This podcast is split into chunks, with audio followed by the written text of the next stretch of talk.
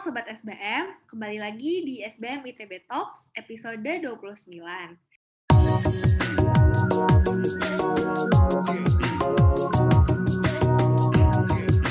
Kenalin, aku Maria Gracia dari Manajemen SBM ITB 2022 sebagai announcer di episode kali ini. Nah, di episode kali ini kita akan membahas tentang inovasi dalam berbisnis, khususnya di bisnis food and beverage, dengan narasumber kita, Kak Mentari Nur Utari, CEO dan founder dari Mushroom Oat Cookies atau Mokis, sebuah inovasi di bidang food and beverage yang merupakan cemilan sehat dengan harga terjangkau. Kak Mentari ini dulu juga mahasiswa SBM ITB jurusan kewirausahaan dan setelah lulus merintis usaha yang berawal dari tugas kuliah selama berada di SBM ITB. Halo Kak. Halo Maria. Aku mau nanya nih, Mm-mm, boleh. ceritain dulu nggak kak cerita singkat tentang bisnisnya kakak itu apa sih dan kayak value-value-nya gitu misalnya Mentari itu kan eh, ranah bisnisnya tuh ke kuliner. Hmm. Produknya cookies, cookies sehat gitu. Namanya Mokis. Aku bawa sih, boleh ditunjukin nggak? kak kalau bawa Jadi prepare iya gini, kayak gini. Nah, ini tuh Mokis. Kepanjangannya tuh mushroom oat cookies. Jadi ini tuh bahan utamanya dari oats sama jamur kuping. Jadi emang ini tuh kayak kan protein nabati gitu. Mentari itu kenapa pilih jamur kuping? Soalnya kan selain mentari juga emang pada dasarnya suka cookies-cookies oats gitu. Terus sering tuh kan ngeliat-ngeliat pasar juga kayak loh kok eh, kombinasinya gini-gini aja. Paling banter juga granola terus dicampur kismis eh, biji bunga matahari kayak gitulah. Ya agak bosan juga kan. Nah mentari itu punya ide gimana kalau si cookies oats ini tuh digabungin sama jamur kuping. Gitu sih. Soalnya kan tadi juga lihat-lihat kan kalau jamur kuping itu kurang dimanfaatkan deh secara maksimal gitu. Soalnya belum terlalu populer dan banyak juga gitu orang-orang yang nggak suka sama jamur kuping. Banyak yang bilang bau lah, terus banyak yang bilang berlendir lah gara-gara emang iya sih si jamur kuping ini tuh nggak bisa tahan lama. Jadi mentari itu cobain aja di oats sama jamur kuping yang bikin orang lain suka, terima juga dan bisa tahan lama gitu. Ini bisa sampai 4 bulan di suhu ruangan tanpa bahan pengawet gitu. berarti kakak tuh dapat idenya gara-gara kakak suka kue terus habis itu kayak ih kok variasinya gini-gini aja gitu terus kayak kakak berinovasi gitu Ya, ya s- ya sedikit banyaknya bisalah bantu para petani jamur kuping gitu. Soalnya kan gara-gara banyak yang nggak suka, terus beda lah saya sama jamur kancing sama jamur tiram yang udah dimanfaatin jadi abon jamur, jadi jamur crispy yang jamur tiram crispy itu loh. Sedangkan jamur kuping kok belum dan kok banyak yang nggak suka padahal khasiat manfaatnya banyak banget kan buat tubuh kita kayak memperlancar peredaran darah, ke ginjal juga kayak gitu. aku mau nanya lagi nih kak proses persiapan apa aja yang kakak lakuin sebelum kakak mulai berinovasi dalam eh, bentuk produk kakak Mokis ini Kalau Mentari kan eh, kebetulan sempat waktu S1 kuliah di kewirausahaan SBM ITB. Nah, di situ tuh emang awal mulanya tuh karena tugas, tugas kuliah harus bikin bisnis. Nah, dari situ jadi emang kita tuh eh, belajarnya tuh benar-benar langsung dipraktekin ke dalam bisnisnya. Jadi dari mulai nge-planning bisnis pakai bisnis model canvas. Emang dari kampus juga harus diwajibin ikutan pameran. Nah, awal mulanya kan juga Mentari nggak tahu tuh apa eh, info-info pameran dapat dari mana kayak gitu. Ya udah jadi Mentari emang gabung sama komunitas, terus cari-cari info pameran yang gratis. kayak gitu sih dan di situ tuh kita di S1 ada mentornya. Jadi kita tiap pertemuan, setiap matkul si inisiasi bisnis praktek itu, kita tuh selalu cerita progres si bisnisnya tuh apa aja. Nah, itu dapat info, insight-insight dari kakak-kakak mentor di S1 dulu gitu.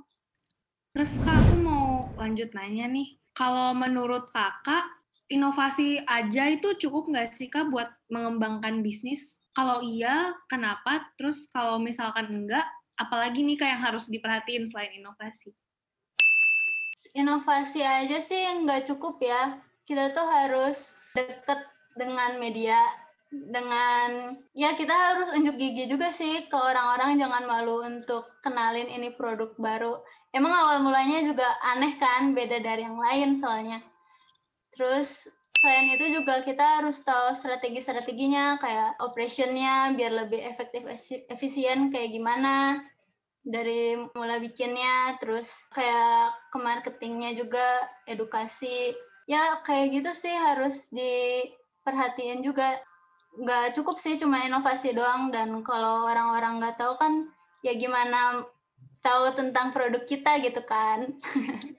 Mungkin sebagian orang kayak ah kayaknya ribet deh. Ah takut deh takut. Ya sebisa mungkin sih kalau dari aku selama itu menguntungkan juga ya udah diambil aja gitu kesempatan-kesempatan itu kayak diajakin syuting ke si Unyil terus yang kemarin juga Najwa Sihab juga kayak gitu sih macam-macam pokoknya selama menguntungkan dan bisa nge-boost ke media masyarakat tahu ada produk ini gitu sebagai pioner kan belum ada di mana-mana dan bahkan mungkin di luar negeri juga belum ada oats kombinasi sama jamur kuping gitu. Jadi inovasi itu nggak cukup ya kak. Harus dilengkapi dengan macam-macam juga kayak marketing yang bagus, terus kayak relasi yang bagus ke media. Kak kalau boleh tahu produk-produk uh, selain tadi Naja nah, kayak pernah diliput Najwa Sihab, terus kayak setelah setelah di cover sama tabloid-tabloid terus Unyil Trans 7 gitu setelah ini apakah kakak ada rencana gitu kak? Misalnya kayak mau mengekspor kayak ke luar negeri gitu. Uh, baru kemarin beres itu tuh kayak ada program pelatihan lagi-lagi gratis juga dari Cyber UMKM itu kerjasama Indonesia sama Australia Center Nah, di situ selain kita belajar tentang keamanan di internet kan banyak sekarang kayak pencurian data. Mereka juga ngasih tahu tentang tips trik ekspor, ekspor impor gitu. Sebenarnya dari Instagram juga tahun 2016 2017 tuh udah banyak gitu yang DM Instagram kayak dari negara US, Malaysia, India, eh, Australia itu mereka kayak pengen nyobain mokis tertarik pengen cobain dan mereka pengen beli tapi mentari waktu itu masih bingung gitu kan gimana cara ekspornya dan setelah dicari-cari juga ternyata ongkirnya mahal banget daripada produknya sendiri.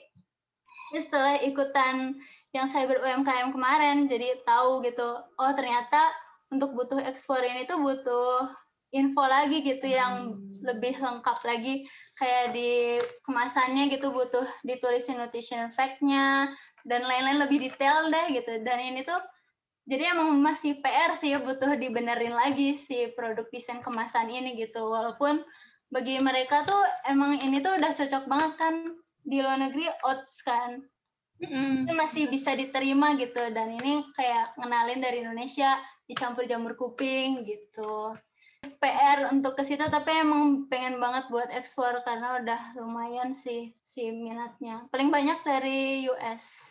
PR-nya tuh butuh apa ya butuh channel buat toko-toko yang di negara sana siapa yang menerima moki soalnya kan kalau perorangan tuh walaupun misalnya biaya cukai semuanya udah diurusin ongkirnya kan.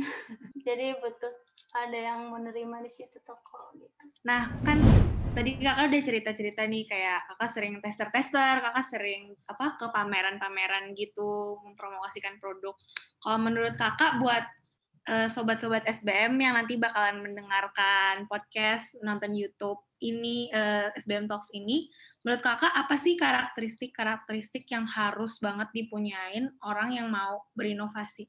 Jangan ini sih, jangan ngikutin orang-orang tuh jualannya apa sih gitu. Harus berani tampil beda walaupun mungkin awal mula kayak dapat ini apaan sih gitu kamu tuh jualan apa sih? Jual jamur jual kue gitu. Pokoknya jangan takut lah jangan ya harus berani out of the box gitu sih. Terus kan e, dari mentoring uh, kakak mentoring tuh pernah bilang kalau si Mokis ini tuh termasuk ke strategi uh, Blue Ocean. Uh, jadi uh, Blue Ocean strategi itu kayak suatu gagasan inovatif tentang menciptakan ruang pasar yang baru yang tanpa adanya pesaing. Jadi apa yang emang belum tersebar di pasaran gitu. Nah kebalikannya si Blue Ocean strategi itu namanya Red Ocean Red Ocean strategi. Mereka lebih fokus ke gimana caranya bisa ngalahin uh, si pesaing itu. Jadi kayak di mana kompetitor tuh biasanya kan uh, ngasih tawaran fitur produk yang hampir sama, terus semua saling ngerebutin si pasar itu yang juga sama pasarnya. Hmm. Ya lebih kayak gitu sih. Jadi sebenarnya nggak ada salahnya sih mau blue ocean strategi atau red ocean strategi. Yang salah tuh kalau misalnya ada peluang, ada kesempatan, tapi nggak diambil, ya itu yang salah. Nah, bener-bener kak. Ini pas banget nih kak ngomongin peluang kesempatan lanjut ke pertanyaan aku berikutnya. Apa apa, apa aja sih Kak platform atau kesempatan-kesempatan dari pihak lain yang udah membantu Mokis. Jadi kan nanti kayak ini bakalan di-share sama sobat SBM. Jadi kalau misalkan mereka mau mengikuti jejaknya kakak, mereka tahu nih kayak oh harus ke mana, harus nanya-nanya sama siapa, gitu kak, boleh di-share? Harus ini sih gabung sama komunitas. Ah, oke okay, oke. Okay. Gabung gabung komunitas yang uh, itu tuh segmennya emang masih ngeling sama si produk kita.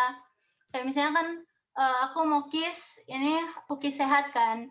Jadi apa aja sih komunitas yang jual produk atau jasa yang sehat-sehat juga gitu biar segmennya tuh bisa nyambung langsung. Mentari udah ikutan ke pasar sehat kayak gitu, komunitas pasar sehat, terus komunitas organik Indonesia jadi harus aktif terus cari-cari info. Ya itu tadi buat pameran. Terus kayak misalnya lagi pandemi gini aja ternyata si komunitas itu tetap ngadain pameran tapi fitur online.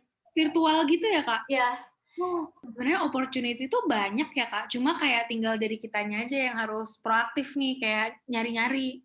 Iya, iya sebenarnya mah ya kalau misalnya produknya mainstream apalagi misalnya nih di komunitas, ternyata produk kita tuh udah ada gitu mm-hmm. di anggota komunitas itu. Ya kita harus inovasi, cari pembedanya apa gitu kan biar ya sebisa mungkin nggak ngambil segmennya mereka lah gitu kan. Kan ngomong-ngomong pandemi nih Kak, tadi Kakak hmm. bilang kayak walaupun di pandemi tapi uh, si komunitas-komunitasnya tetap beradaptasi dengan ngadain pameran virtual. Nah, hmm. eh, bagi Mokis dan kakak sendiri, kalau selama pandemi ini dampaknya ke bisnis kakak apa? Terus kalau misalkan positif atau negatif, kalau negatif, gimana kakak cara menanggulanginya? Ini sih, biasanya kan sebelum pandemi itu Mentari bisa ngerekrut orang kan dari luar buat bantu produksi di rumah produksi. Ini kan masih rumahan. Terus gara-gara pandemi ini ya banyak yang takut juga kan. Soalnya orang luar masuk ke sini masa produksi gitu kan. Agak-agak gimana gitu. Jadinya mentari ini produksi sendiri aja. Semoga ini berlalu dan udah ada vaksinnya baru bisa mulai lagi seperti biasa. Kalau masalah apa ya sales? Enggak sih alhamdulillah malah dicari dan kebetulan kan banyak juga tuh yang bantuin kayak kemarin Najwa Sihab nawarin siapa UMKM yang mau dicobain produknya ke menteri-menteri termasuk si Najwa Sihab juga. Ya udah diambil itu terus ngebus juga pembeli. Banyak yang baru tahu malah muncul reseller baru juga. Ya nawarin boleh nggak gitu atau syarat ketentuan resellernya kayak gimana gitu kalau dari sales sih, alhamdulillah nggak berkurang. Mungkin dari mentari yang amatin, apalagi di zaman sekarang kan lagi pandemi kayak gini, uh, khusus uh, pembisnis kuliner, kalau misalnya masih ke ranah-ranah kesehatan itu bagus sih ya kasarnya nggak mungkin turun deh soalnya kan orang-orang zaman sekarang mulai peduli akan kesehatan nggak suka yang aneh-aneh banget jadi semakin komposisinya semakin sederhana tuh semakin dicari kayak gitu. Jadi emang advantage-nya buat mukis banget ya kalau karena bahannya natural semua, terus Iya, wet lagi. iya. Ya malah sekarang kan gara-gara apa pandemi gini orang-orang mulai aware terus mulai banyak juga yang bermunculan rumah makan rumah makan yang vegan 100% nabati plant based segala macam tuh Oh iya, berarti emang opportunity-nya malah jadi apa ya? Kayak pandemi itu istilahnya tetap jadi opportunity gitu ya buat mukis. iya iya malah iya iya makanya alhamdulillah Ini kayak bakal jadi eh, pertanyaan terakhir nih Kak. Nah buat sobat SBM yang lagi mendengarkan, yang tertarik untuk berinovasi usaha, apalagi selama masa pandemi ini, Kakak ada pesan atau kesan apa gitu nggak yang perlu, yang mau disampaikan? ya selama pandemi gini walaupun di rumah aja ya kalau bisa berkarya sesuai dengan minat bakat kalian lakuin aja gitu kan kayak mentari suka berinovasi nyobain produk campur-campur ingredients yang aneh-aneh bahkan ya udah kenapa nggak dijalanin gitu. Terus kalau misalnya apa ingin coba sesuatu hal yang baru tuh jangan takut.